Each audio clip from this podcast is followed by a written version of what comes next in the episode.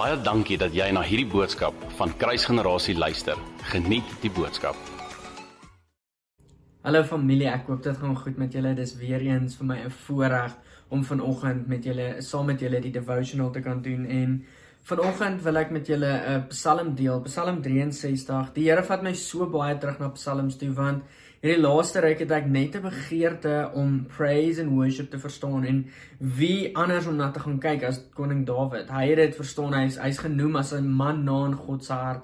En tog aan die een kant weet ek ek sal nooit een volle praise of praise and worship kan verstaan nie, want God is oneindig. Ek die oomblik wanneer ek hom verstaan, totaal en al verstaan, dan beteken dit daar gaan iets groter as hy erns in my lewe ophop. Maar God is oneindig en ek weet ek gaan nooit my mind om hom kan wrap nie, nie in hierdie leeftyd nie. En maar tog het ek hierdie begeerte om praise and worship na te jaag. So terwyl ek deur Psalms werk, is ek hier, kom ek op Psalm 63 af en ek wil dit met julle deel.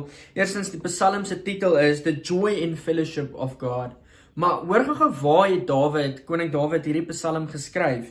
Hy sê hierso staan, it's a psalm of David when he was in the wilderness of Judah. Die oomblik wanneer ek hierdie lees, toe besef ek maar Judah beteken praise.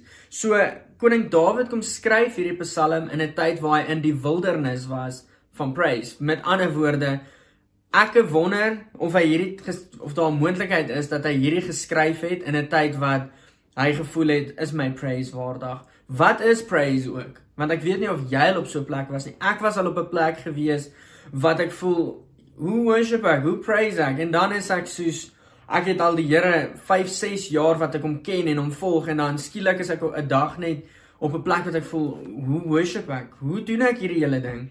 En David kom skryf hierdie Psalm toe hy in 'n wildernis was van praise of in 'n wildernis was van Juda wat ek sien as praise. En gedurende hierdie lockdown was ek al in so 'n plek gewees wat die vrees van wat kan gebeur in die toekoms, wat hou die toekoms in vir ons?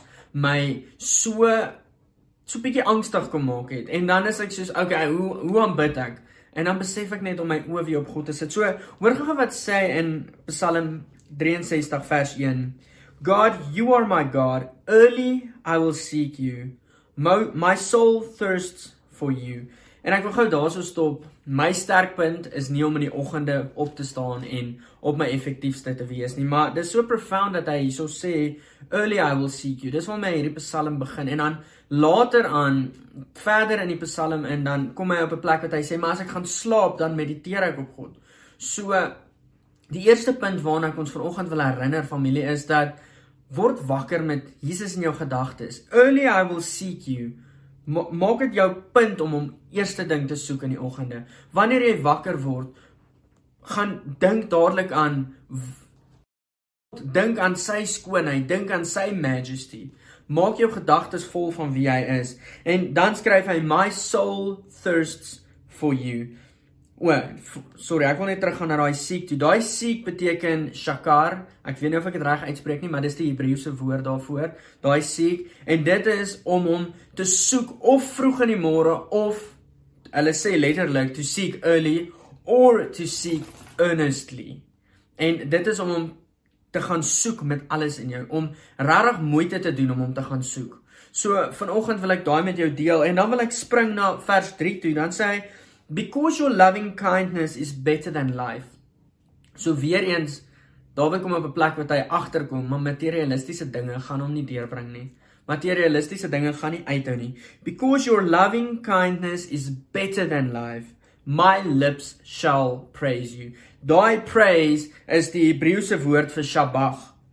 Ek dink ek sê dit reg. Ek hoop ek sê dit reg. Maar letterlik, dit beteken, ek wil hierso vir jou lees, it is to shout to address in a loud tone to command or to triumph. So David sê triumph. Hy hy sê so my lips shall praise you. Ek sal dit verbaal verklaar dat my lippe sal u verklaar in 'n tyd soos hierdie. My lippe sal verklaar dat koning Jesus u is groter as enige iets wat in hierdie tyd voor ons staan. Dan vers 4 sê hy, "Thus I will bless you while I live." Maak seker dat dit vandag deel van jou leefstyl is, want môre is dalk nie vir ons verseker nie. Maak seker dat vandag dit deel is van jou leefstyl om God se naam groot te maak. To bless his name. Vers 6 sê, "When I remember you on my bed, I will meditate upon you day and night." Julle sal miskien onthou die vorige devotional het ek gedeel rondom meditasie om om dit deel te maak van jou leefstyl. Dawid sê hierso wanneer hy gaan slaap, sal hy 'n deel van homself maak dat hy sal mediteer op God dag en nag. Familie, ek wil jou bemoedig hiermee. Wanneer jy wakker word, maak seker jy gaan soek God met alles in jou. Maak seker jy kom op 'n plek wat jou siel, jou wil, jou intellek en jou emosies honger is vir God.